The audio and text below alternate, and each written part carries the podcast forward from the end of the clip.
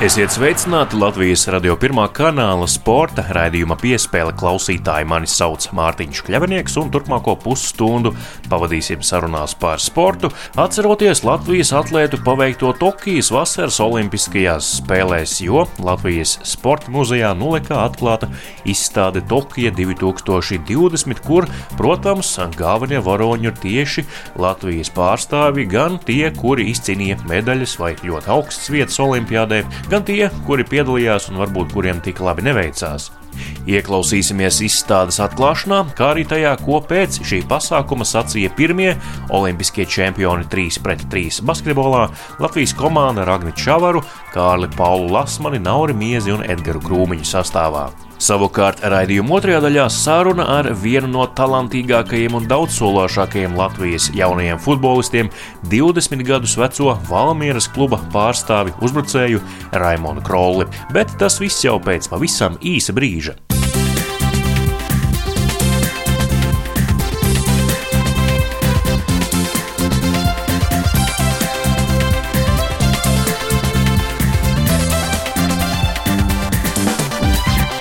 Latvijai šajās Olimpiskajās spēlēs eh, ļoti labs sniegums kā komandai, jo izcīnīts gan zelts 3 pret 3 basketbolā, gan bronzas medaļa svarcelšanā, ko paveica Artūrs Plēsnieks, tāpat arī divas ceturtās vietas pludmales volejbolā, gan Tīnai Graudiņai, Anastasijai Kravčenokai dāmu turnīrā, gan arī Mārtiņam Pļaviņam, Edgaram Točam kungu sacensībās. Latvijas sporta muzeja vadītāja Agra Brūne izstādes atklāšanas runā sacīja, ka uzslavas pelnījuši visi 33 sportisti no Latvijas, kuri kvalificējās Tokijas vasaras olimpiskajām spēlēm. Turpinājumā ieklausīsimies uh, izstādes atklāšanā un arī sarunāsimies ar olimpiskajiem čempioniem 3 pret 3 basketbolā. Zālē ir 33 sportisti, visi, kas aizbrauc no Latvijas uz Olimpiskajām spēlēm.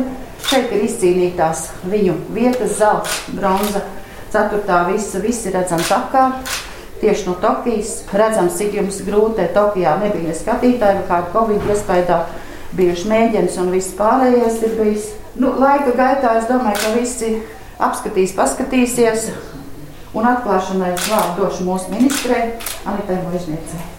Paldies, liels un uh, labdien visiem! Man jāsaka, ka Tokijas Olimpiskās spēles uh, vismaz man uh, kaut kā bez emocijām nesanāk. Un arī šodien man ir uh, Ļoti liels prieks būt šeit, šajā notikumā. Spēles gaidījām mazliet ilgāk nekā paredzēts, lai mēs varētu just līdzi mūsu 33 sportistiem, kas jau dodoties uz Tokiju, visi bija mūsu sirdīs čempioni. Tāds kārtējais lieliskais uh, stāsts par cīņu, par nepadošanos. Tā kā es domāju, arī šeit uh, katrs apmeklētājs varēs to drusciņu iedvesmas uh, par mūsu valsti, par mūsu paceltajiem karogiem, par mūsu himnu arī Tokijā gūt to spēku un vajadzīgo devu tālākajiem soļiem. Tā, vārds ir Olimpiskās komitejas prezidentam Žažam Tikmenam. Godātā ministrs kundze, Riesniņkungs, olimpiskie čempioni. Protams, emocionāls brīdis neslēpšu. Man arī kā bijušam sportistam jābūt kopā šeit ar mūsu olimpiskiem čempioniem. Jā, tautas komandu ar puišiem, kas izlauzās nu, faktiski no Rīgas un uh, mazām pašvaldībām, ja spēlējot kopā, nu viens brīnums. Nokļuva Olimpiskās spēlēs, spārnoja sevi, motivēja mūs visus, ja un pats galvenais izturēja līdz galam, parādot savu raksturu un, un, un izcīnot Olimpiskās medaļas. Es gribu pateikt jums lielu paldies! Jums, jūsu ģimenei. Tāpat kā līdz šim mēs neapšaubām ar jums lepojamies, izdarīsim visu, lai 3x3 basketbols uh, turpinātu attīstīties un arī nākamās Olimpiskās spēlēs gribētu sagaidīt ļoti augstus un labus rezultātus. Par Olimpisko komandu, kā mēs redzam, jauna komanda, 33 dalībnieki, nu viens neaizbrauc, uh, saprotam iemeslu dēļ, bet 26 bija pirmās Olimpiskās spēles. Kādi ir rezultāti? Rezultāti ir labi, pat izcili, ja jau tika izcīnīts uh, Olimpiskās medaļas. Un sportisti Eh, kuri faktiski ieguva vietu pusfinālā, ja piekto un sesto vietu, jā, ir apņēmības pilni droši vien turpināt savu sportisko karjeru. No kā tas sastāv zelta medaļas, kā jūs domājat? Tas ir metāls kopā ar zeltu, bet īstenībā tas ir, ir sakausējums. Sakausējums no jūsu emocijām, no jūsu darba, no jūsu ap apņēmības. Paldies jums! Paldies sporta muzejam par lielisku, elegantu, vienu, nu, tādu skaidru izstādi. Un gribu apliecināt no savas puses, ka kopā ar Izglītības zinātnes ministriju, ar Saimnes sporta apakškomisiju, deputātiem, es domāju, ka sporta nozara attīstās. Attīstās par spīti tam, ka varbūt ne visiem šī attīstība šobrīd ir kā spīdama. Paldies! Olimpiskie čempioni 3x3 basketbola komanda sarunā ar Latvijas radio sporta radījumu piespēli kungi.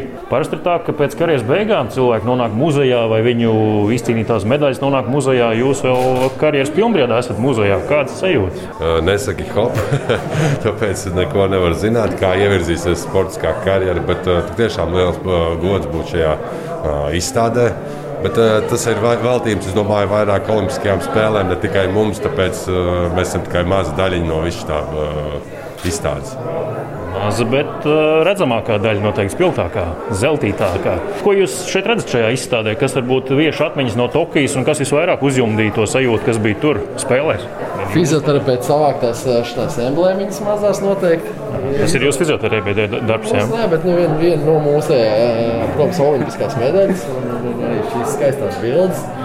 Un arī mēs apskatāmies visus mūsu kolēģus, tad tās sajūtas uzreiz rosās atpakaļ. Jauki šeit būt.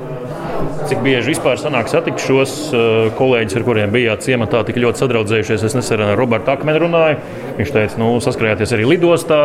Viņš brauc no sacensībām, jūs tur arī bijāt ceļā. Tā kā kaut kur jau sanāk tie ceļi jums krustoties, jā, ar citiem arī esat saskrējušies. Sanāk, sanāk, protams. Bet ne tik bieži kā, kā ierasts. Bet, Satiekamies un, un aprunājamies. Nepaiem garām viens otram, tā kā nepazīst. Tā kā viss ir forši ar mums. Vēl joprojām pārējie sportisti arī Olimpiskajā vienībā turpina trenēties. Tad, ejot tur uz treniņiem, protams, sanāk arī viņus satikt un kādu labu vārdu apmīt. Attiecības vēl joprojām ir saglabājušās labā līmenī. Es domāju, viss mums ir kārtībā. Edgars, kā Jālgavā, es biju te uz ielas pazīst, ķerais rokas, uh, gribu fotografēties. Nesen trīs vai nonākt. Jālgavā ir viss labi, jā, un paliku bišķi atpazīstamāks nekā pirms tam bija. Nu, nu, nu. Tu jau biji atpazīstams. nu, palika vēl bišķi vairāk. Tur vēl bija vieta izaugsmē. bija vieta izaugsmē, jā. Par sporta muzeju, cik varbūt paši esat bijuši bieži sporta muzeja apmeklētāji vai vispār šeit esat pirmo reizi, kā jums katram šī vieta? Es personīgi pirmo reizi esmu šeit. Es laikam arī, jā. Nu, es, es tā vispār muzeja baigi neapmeklēju. Nav mana sirdslieta, bet, nu, ja ir šī tāda vietiņa, tad kā jau Agnēs teica, ir ko atvest un uh, palapoties. Taisīt arī ķekavas pašvaldībā muzeja tiekš uh, augsts sasniegumā sportā ķekavā. Tur arī mums ir izstādīta mūsu stūrītes ar naudu. Tāpēc, uh, ja jums šis interesē, tad varbūt arī pievienoties ķekavā. Kārlis, es saprotu, ir bijis Olimpiskajā lielajā muzejā Šveicē. Jā, mēs visi tur kopā bijām. Mhm. Jā.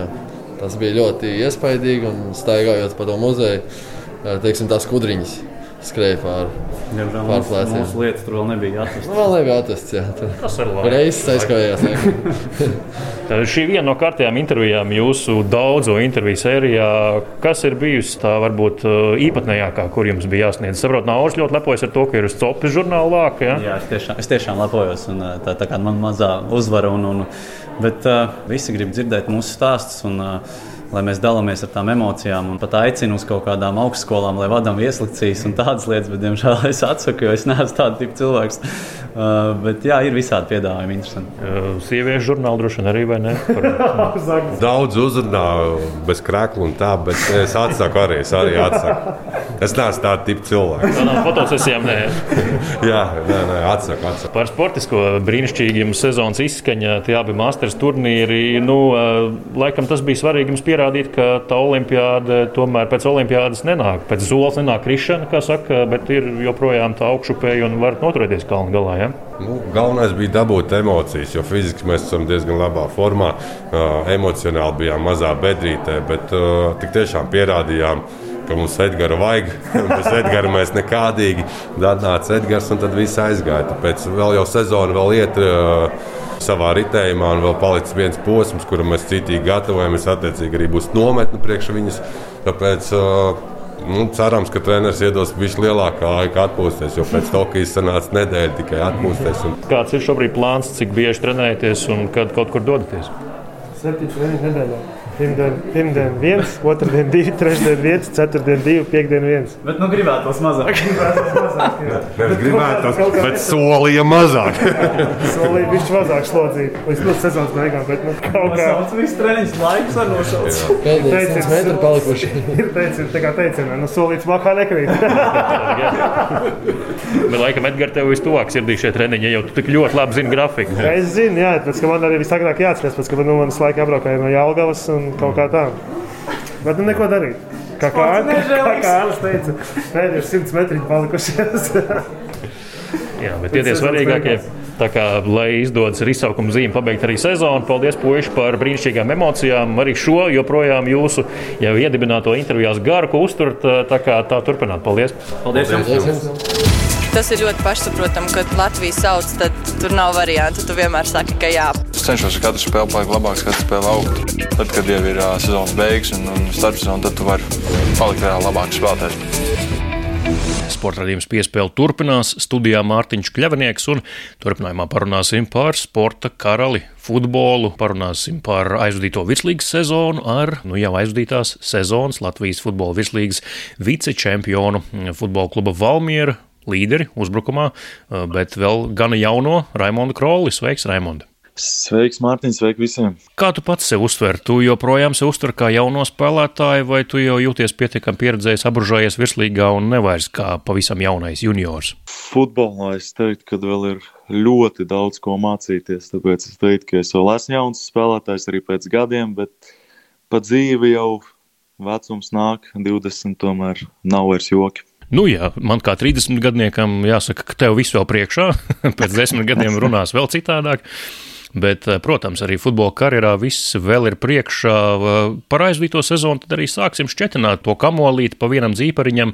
Starpsezona pārēja no metas uz Valmieru. Kas tev vispār bija uz galda, kāda tev bija izvēle? Jo dažādos uh, avotos esam dzirdējuši dažādus variantus arī par to, kur tu ārzemēs varēji nonākt, kādās valstīs spēlēt, bet beig beigās tomēr izvēlējies pašu mājas, vidzemes pilsētu Valmieru. Kāda bija šī starpsezona aizvadītā un, un kāpēc tu noslēdzies par labu Valmierai? Bija vēl dažādi piedāvājumi no ārzemēm, bija kaut kādi piedāvājumi, bet vai nu tur kaut kas nesagāja, vai arī viņi nebija pietiekami nopietni. Bija vairākas īres iespējas, bet īrēs baigi doties nevēlējos. Vairāk variantu no Latvijas, bet noslēdzos par labu Valmierai viņu projekta dēļ, un tāpēc, kad atradām kopīgu valodu un principā viss, ko es vēlējos, tika nodrošināts man šeit. Nu, droši vien tev bija varianti arī gan Rīgā, gan RFS, vai ne? Vai Vienā to... no šiem klubiem, jā, jā otrā nē. Ārzemēs esmu dzirdējis kaut ko par Nīderlandi, kaut kas bija par Itāliju, bet Girts Mihelsons tur arī Latvijas radio, tad, kad tās baumas parādījās, teica, ka nē, ka reāli varianti Itālijā nebija. Kā tu uh, komentētu savus ārzemju iespējas? Tur bija kaut kāds arī tāds reāls variants, vai tās vairāk vai mazāk tādas sarunas bez tāda reāla seguma un līguma parakstīšanas iespējām? No Itālijas tas nebija nekas no Itālijas, vismaz cik es zinu. Nīderlandē bija kaut kāda īres iespēja. Nu, visnopietnākais, kas bija, bija no Turcijas, bet tur tās pārunas nebija veiksmīgas. Tāpēc, jā. nu, bija arī vēl pāris varianti no Polijas un kaut kur vēl, bet, bet nekas baigi nopietns. Tu pieņem tādu fundamentālu, tādu konceptuālu lēmumu, ka tu vēl paliec, kas sakot, nobriesti Latvijā, ka nav ko skriet vēl uz ārzemēm, ka tas būs visvērtīgāk. Tāda beigās tie plus un mīnus savilkās tādā rezumē. Nu, jā, bija, bija vairāk apstākļu, kāpēc arī baigi nesteidzos uz ārzemēm, jo es visu savu dzīvi spēlēju metā un pāriet uz citu klubu. Tas nav tik vienkārši. Tīpaši uzreiz tās ir ārzemes, tas ir daudz grūtāk. Tāpēc vēl paliku Latvijā, teiksim, noslēdzos par labu tam, jo cita pilsēta, jauna komanda, viss jauns, bet tāpat ģimene ir tuvu, savu cilvēku ir tuvumā, un tas noteikti palīdzēja šogad. Viss, kā es biju iedomājies, savu adaptācijas procesu, tā viņš arī noritēja. Tamas Perte ir tāds, tik tiešām tik stingrs arī treniņos, cik bargs viņš šķiet laukuma malā spēles laikā, kāds viņš ir ikdienā kā cilvēks. Ikdienā ārpus futbola viņš ir ļoti draudzīgs uz futbola laukuma, viņš ir prasīgs un stingrs, bet kopumā kā treneris viņš bija tieši tas, kas man bija vajadzīgs, kad ārpus laukuma tu vari draudzīgi runāt ar treneru par jebkādām dzīves tēmām, bet uz laukuma ir darbs, un viņš no tevis izspiež maksimumu un atgrieza mīlestību pret futbolu, kas iepriekš varbūt bija pazudusi. Pagājušā sezonā pastāstīsim radio klausītājiem, ka tu arī biji rezultatīvākais virslīgā no latviešiem. Šo sezonu tieši tāds pats sasniegums - 12 vārtu, 9 rezultatīvas piespēles, pats uz lapiņas pirms sezonas uzrakstīts, cik gribētu iesist. Kaut kur, kaut kur Valmieras sākuma intervijā es teicu, ka gribētu vairāk iesist nekā pagājušajā sezonā. Tas arī ir izdevies. Tas, tas arī ir izdevies, jā tas tev ir svarīgi, ka tu esi tur tajos pirmrindniekos un ka tavs vārtu skaits ir tik liels, ka tu esi tur tajā, šajā gadījumā top 3 sniperu sarakstā? Nu, es domāju, es melotu, ja es teiktu, ka tas nav svarīgi man, bet primārais noteikti bija šogad komandas rezultāts, individuālais rezultāts sekoja uzreiz pēc tam, bet, protams, ka tas bija man svarīgi. Tu varbūt šajā sezonā iemācījies vairāk, teiksim, tā niansēs spēlēt vispusīgi, nevis tik daudz domāt par uzbrukumu, lai gan tas tev ļoti labi sanāk un tas ir tavs trumps, bet varbūt tam es tev iemācīju arī nu, spēlēt plašāk, skatīties plašāk, vairāk domāt par kopējo spēli. Šogad es iemācījos spēlēt kā īsts uzbrucējs un iemācījos arī spēlēt kā desmitnieks daudz vairāk. Teiktu, ka šogad bija mm. ļoti liels teorētiskās apmācības posms manā dzīvē tieši futbola ziņā. Daudz, daudz ko iemācījos, ko arī uz sezonas beigām tas diezgan labi atspoguļojās laukumā un vairāk sāku saprast, kas un ko un kā es gribu spēlēt un kā, ko no manis sagaida treneris. Varētu teikt, ka metā tu vēl ļoti daudz paļāvies uz instinktiem. Šobrīd tu jau vairāk arī teorētiski saproti, kas jādara, lai būtu rezultātīvs. Ja? Jā, nu metā jau tas spēles stils bija vairāk, ka mēs spēlējam, kad es varēju brīvi spēlēt, darīt principā, ko es gribu, mm. kamēr es nesu kaut kādu rezultātu Valmierā atkal jau. Bija nākamais solis, bija jāiekļaujas komandas spēlē un jāparāda savs individuāli labākais sniegums. Uh, Un arī treneri ļoti daudz strādāja ar mani individuāli, kas man ļoti palīdzēja. Šī virslīgas sezona Valmierai, eh, nu, Valmiera vēl jauna komanda virslīgai, un eh, ar katru sezonu arī šai komandai ir bijis progress un lēciens rezultātos. Otrā vieta sudrabs, nu, jūs tur eh, absolūti ģeniāli priecājāties, gluži kā būtu izcīnījuši zelta. Tas tiešām bija tik liels sasniegums kopējai komandai, ko paveicāt. Jā, es teiktu, ka mēs varbūt pat tik ļoti nepriecājāmies par to vietu sadalījumu, bet par to, cik mēs esam progresējuši šogad. Man īpaši bija liels prieks, jo atnākot, kāds bija mūsu kolektīvs un kāds viņš bija gada beigās, tas, tas bija divas dažādas pasaules. Un cik mums vidējais vecums bija 20,8 gadi, ja nemaldos. Mm.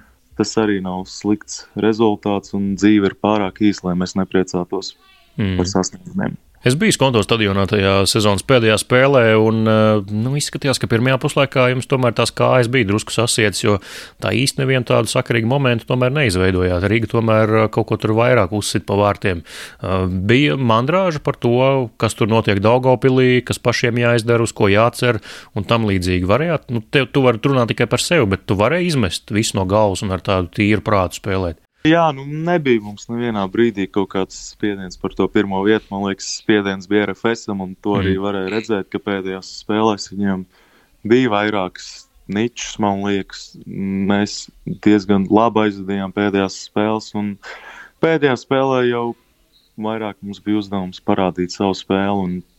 Varbūt bija kaut kāds papildus spiediens, jo tā cerība tomēr bija kaut kāda, bet nu, nevarētu teikt, ka bija kaut kas ārkārtējs. Vienkārši Rīga diezgan labi spēlēja. Mēs ar to netikām galā pirmajā puslaikā.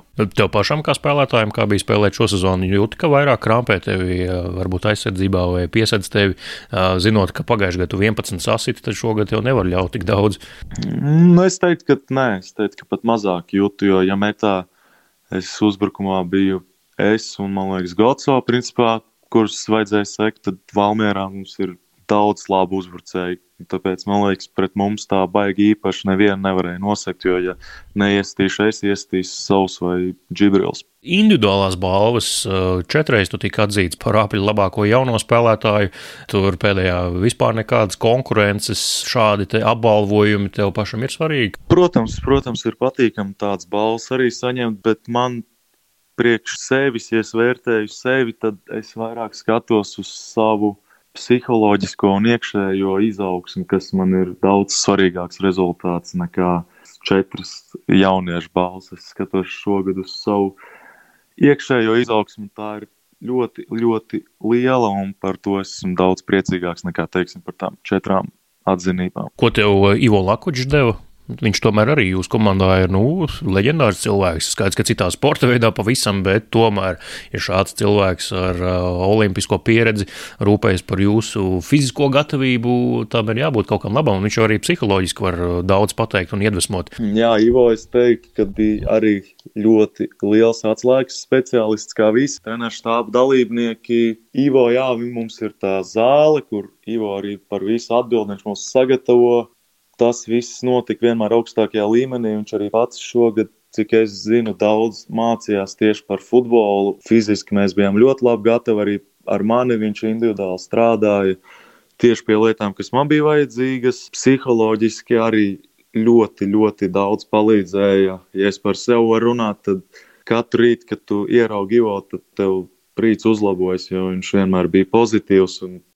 Arī, ja man bija kāds negatīvāks laiks vai periods, tad Ivo vienmēr spēja kaut kā, kaut kā uzlabot to garstāvokli un palīdzēt. Tas bija ļoti vērtīgi. Par uh, tavām tālākajām gaitām, kādas ir tavas līguma attiecības ar Valmieras uh, klubu šobrīd, vai tev ir līgums arī uz nākamo sezonu, un kādas vispār šobrīd ir tavas domas, vai tu esi pieķēries tam, ko tev saka, kur tu varētu aizbraukt, ko tev piedāvā un tam līdzīgi, vai pagaidām vēl neskaties tajā virzienā, atpūties? Nu, man ir vēl ilgtermiņa līgums ar Valmieru, un principā sezona tikai tādā beidzās. Tāpēc baigi vēl par to nedomāju. Tagad gribētos pabeigt sezonu, kas mums tā ir palikuši, atlikušie treniņi, atpūsties. Un, uh, Tad jau skatīsimies, jo tas nav no manis tikai atkarīgs. Tas ir arī atkarīgs no Valmīras, ko viņi grib. Tad jau mēs redzēsim. Kā tev ir ar aģentu? Es zinu, ka tad, kad Kaspars Gorkšs bija federācijā prezidents, tu viņam prasīja padomu. Es zinu, ka tava ģimene vērsās pie viņa, kā labāk darīt, ko darīt. Kas tevi pārstāv spēlētāju tirgū, un vai tu esi apmierināts ar to, kā, kā tas viss līdz šim ir ritējis? Gorkšs varbūt nebija nekāds aģentu pārunas, tur vairāk bija Es saprotu, tur vienkārši padomus, vai ne, vai spērt kaut kādu konkrētu soli, vai tas būtu labi. Nu, arī nē, arī nē, īsti vairāk viņš vienkārši pastāstīja par savu personīgo karjeru, un tā tur nekas tāds oficiāls nebija, kā cilvēki mēdz runāt. Aģents ir man no Anglijas, it kā strādājam, tā kā redzēsim, kas būs tagad. Tāds angļu ceļš tev pašam būtu interesants. Tur jau uh, vairāk, uh, kā to labāk nosaukt, uh, rokošais laušanās futbols. Nu, viņš ir anglis, bet viņš baigi Anglijas tirgū, man liekas, nav baigie sakari viņam, bet mm. Anglija es neteiktu, ka būtu mana top izvēle nākamajam solim, ja tas kādreiz dzīvē notiks. Mm, tu gribētu kaut kur tādu virtuozāku, mākslinieciskāku futbolu spēlējumu. Spānija, Spānija. Tas jau, starp citu, par to mēs arī parunāsim. Jā, vēl par to. Un uh, izlase, arī izlasēja pozitīvas emocijas. Uh, desmit spēles pasaules kausa kvalifikācijas ciklā, divas uzvaras pret Gibraltāru, jā, bet arī, protams, neizšķirti Norvēģija, Melnkalni, Turcija izbraukumā, pēc tam vēl 3-3 fantastiska spēle, joprojām atceros. Tu pats kā novērtētu šo te izlases uh, sniegumu, nu beidzot pagriezāt to, kad Dainis saka, vektoru tādā pozitīvā virzienā? Nu jā, es teiktu, ka komanda noteikti progresē, parādās kaut kāds rokraksts, kaut kas vairāk tiek sasniegts, taču es neteiktu, ka tas ir maksimums, ko mēs varam paveikt, un noteikti, ka gribētos daudz, daudz vairāk nekā ir tagad. Noteikti, ka Raimons Krols varētu daudz vairāk spēlēt, vai ne? Man personīgi es nekad neesmu bijis tāds, kurš pret, ja es nespēlēju, vai kaut kas. Katram trenerim ir savs redzējums, savu filozofiju, un, ja es tajā neietilpstu un tiek sasniegts rezultāts, tad man nav problēma arī paskatīties no malas, ja rezultāts netiek sasniegts un spēle ir nekāda. Tad, tad varbūt man ir pretenzijas. Galu galā arī vārti ir tavā kontā? Jā, noteikti. Nu, man pēc katriem vārtiem, arī treniņā, principā, es pēc katriem vārtiem labprāt tos atzīmēju. Tas tomēr ir tas, kāpēc es spēlēju, lai iegūtu tās pozitīvās emocijas. Jā, izlases kraklā noteikti, ka katrs vārtu gūms ir ļoti īpašs. Nav viņa tik daudz man līdz šim brīdim pagaidām. Jā, Raimond, nu tad parunāsim arī par to komisko epizodi. Tu esi jaunietis, kurš grib pamest Latviju. Tā ziņo RTV sižets. Pastāsti, kā tev tur uz ielas noķēra un eh, cik varbūt tu pēc tam eh, sociālos tīklos saņēmi draugu vēstules vai, vai, vai mm, smieklīgas eh, sēņas tev sūtītas par to, kā tas sižets beigās tur izskatījās, nezinot kontekstu un domājot, ka tu esi vienkārši jaunietis. Kā tur, kā tur īsti bija un kā tu pats to uztvēri? Principā es Valmērā baigi, baigi apkārt nekur nestaigāju, bet tajā dienā man vajadzēja aiziet uz bibliotēku, un tieši tur sakrit, ka RTV filmēja, piedāvāja interviju. Es sapratu, ka neatpazinu mani, un es teicu, jā, droši, protams, varam. Nu, kaut kādā ziņā zināju, ka kaut kas pamanīs un būs kaut kāda reakcija, bet varbūt nebija gaidījis, ka būs tik liela. Bet, kā jau es savā Twitter kontā rakstīju, paldies visiem, visiem par bezmaksas reklāmu. Jā, tā bija tiešām apjomīga. Jā. Bet tu kā cilvēks, kā tu to uztver, kā personība, tev ir viegli par sevi pasmieties. Nu, varbūt, ja šoreiz tā sanāca, nu, tad acīm redzot, no tā tava tvīta var noprast, ka tu ļoti labi izproti humoru, proti par sevi pasmieties un arī dažu labu zemtekstu iemest publiskajā vidē. Nu, jā, nu, man nav problēma. Es dzīvi cenšos uztvert diezgan viegli un vienkārši. Man tur cilvēki pēc tam rakstīja, ka vajag iesūdzēt tiesā šleseru vai ko. Bet... Oh. Tas varētu būt dārgi. nu, jā, bet, bet nu, es esmu tāds, nav, nav, nav. Neiesprings tik ļoti uz tām visām lietām. Tas nav tas, kas man satrauc manā dzīvē. Tu teici, ka tu gāji uz bibliotēku, tu arī apgūsti kaut kur augstāko izglītību. Es mācos arī Seba universitātē, jā, biznesa psiholoģiju. Kādēļ tieši šādu virzienu izvēle, studiju virzienu izvēle? Jā, likās visinteresantākais un principā vienīgais, kas sakrīt ar manām interesēm esošajām. Jā, tāpēc arī to izvēlējos. Mm -hmm. Es apmierināts, kā tas viss ir. Nu, es jau otro gadu mācos. Teiksim, tā tā mācība varbūt nav tas veids, kā vislabāk apgūt lietas, un it īpaši man, jo man ir diezgan grūti paņemt kaut kādu vārdu materiālu, lasīt un vienkārši mācīties. Man vairāk patīk, ka man stāsta, rāda vai kaut kā tam līdzīga. Tāpēc mm. varbūt neteikt, ka man baigi patīk tā tālmācība, bet citu variantu īsti nav. Un kamēr vēl kaut kāda interese ir, tikmēr es mācos. Tu pats tāds apzinīgs, vai tev vecāki teica to standarta frāzi, ko parasti saka jauniem sportistiem Raimond, futbols kaut kad beigsies un izglītību vajag jāiet mācīties. Kā tur bija? Nu jā, nu es jau pats arī saprotu, ka futbols nav mūžīgs un nu, mācīties vispār varbūt. Teiksim, tā autori sevi aizgāja vairāk, lai iegūtu to dokumentu. Man liekas, mūsdienās var arī daudz ko iemācīties, apgūt un sasniegt bez augstākās izglītības. Taču uh, Noteikti, ka vecāki bija iemesls, kāpēc es mācījos, lai viņiem arī sirds būtu druskuļi mierīgāka. Nu, Latvijas universitātē es arī biju uz neilgu brīdi, bet tur tā programma, kur es biju, man vēl vairāk nepatīk. Tāpēc mm. varbūt pat labāk, ka šādi. Kopumā tavs intereses ārpus futbola, tu vispār skaties futbolu ārpus savām spēlēm, fano par kādu Spānijas līgu, varbūt līgu skaties? Principā futbolu kā izklaides. Neskatos praktiski vispār, un baigi arī nesekoju līdzi, bet vairāk skatos, ja spēlē, piemēram, Arsenāls, kas ir man mīļākā komanda, to es varu paskatīties, vai arī skatos tīri vairāk analīzes pēc un teorētiski mācos kaut ko vairāk nekā izklaidē sev, jo man liekas, ir vismaz man, priekš manis ir daudz vairāk sporta veidu un lietas, kas ir interesantāks nekā skatīties tieši futbolu. Proti, kādiem sporta veidiem sako līdzi? Es teiktu, ka basketbols man patīk. Mm -hmm. NBA, Eirolīga, jā. NBA vairāk, jā, mm -hmm. Eirolīga varbūt netik ļoti. Hokejs varbūt agrāk vairāk aizrāva, tagad varbūt nav tik daudz, bet, bet arī skatos un kāds UFC arī man MMA patīk paskatīties. Raimons Krolis, jā. jā, viens no Latvijas labākajiem jaunajiem futbolistiem sarunā ar sporta raidījumu piespēli. Tad jau tiekamies kādās citās sarunās par futbolu. Lielas paldies, Raimond! Paldies, visu labu!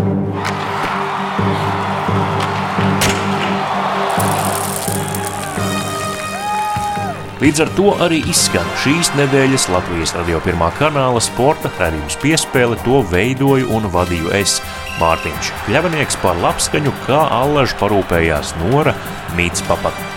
Pirms atvados vēl tikai atgādinu, ka raidījumu piespēli varat meklēt arī jebkurā sev ērtā raidierakstu jeb podkāstu klausīšanās vietnē. Uz sadzirdēšanos jau pēc nedēļas!